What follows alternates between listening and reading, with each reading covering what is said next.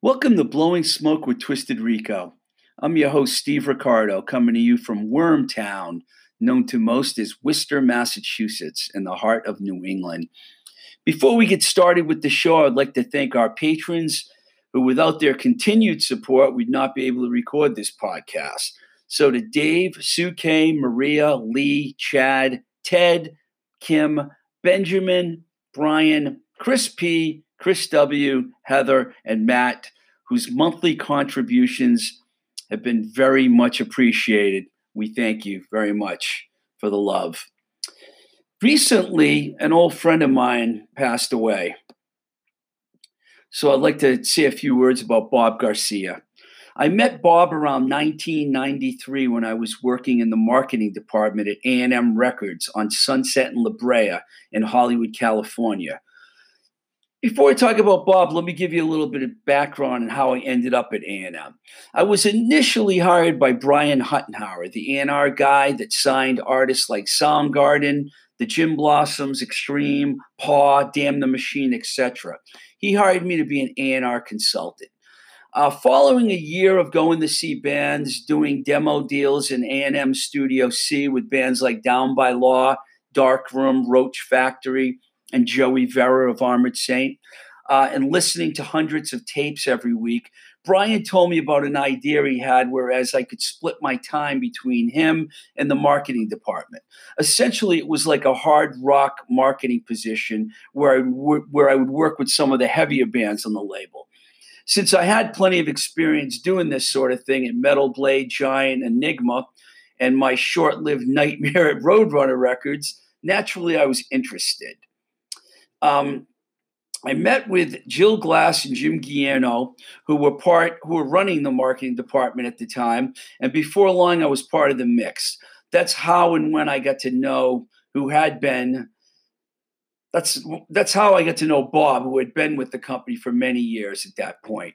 I always tell people that it wasn't an easy adjustment for me working at A&M Records because independent labels at the time operated so differently. When you are at an indie label, you wear many hats. At A&M, even though it was a very casually run place for the most part, everyone had specific jobs to do, and for the most part, you stuck to your own area of expertise. It wasn't like that when I worked, say, at Giant Records, where I signed the bands, and at times I did press, radio, retail, got involved with manufacturing, distribution, pretty much everything.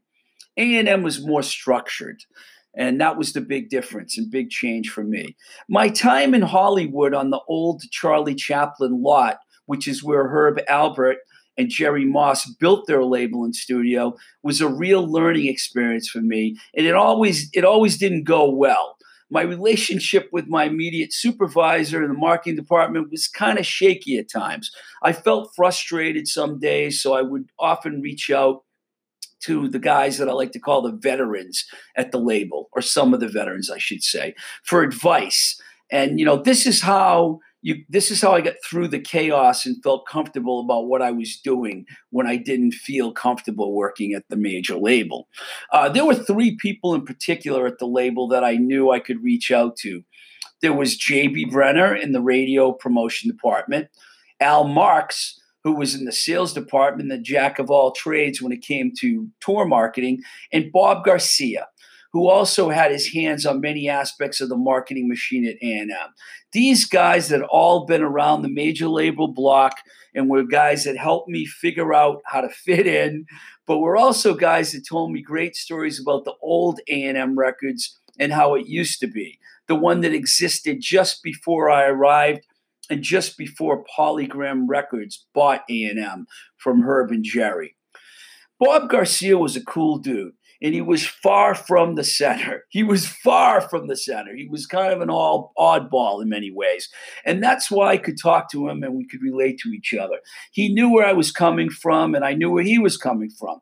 He was always he always gave me good advice and helped me stay on the course on days when I was ready to dive off into another direction. I mean, it got pretty frustrating at times for me there.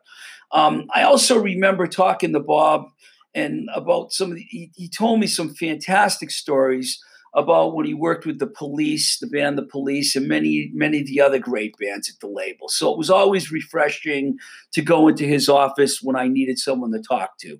Um, after a couple of years in the law, Richie Gallo, who was the VP of Sales and Marketing, hired hired me to work for him, and he moved me to the sales department in New York City. A bunch of us from the label went to the Woodstock 94 25th anniversary concert and our goal was to see as many bands as we could, and then we could relay our thoughts to the A&R department or the people that were putting the compilation together uh, uh, for, for a double album, which eventually was released, the Woodstock 94 double album.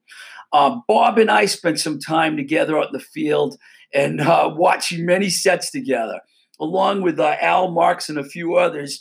We had some quality time in Bethel, New York. And after that experience, I only uh, was able to speak to Bob on the phone occasionally, and I saw him at a few uh, meetings, you know, company meetings, whether it be in San Diego or LA, when we would get everyone together for a company meeting. That that was a big thing at major labels: meetings, meetings, meetings.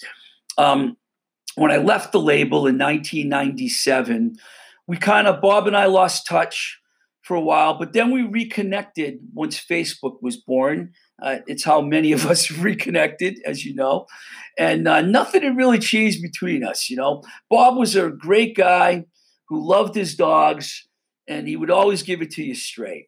So I wanted to say a couple words about him. You know, rest in peace, my friend. You're one of the good ones, and I was definitely lucky to know you.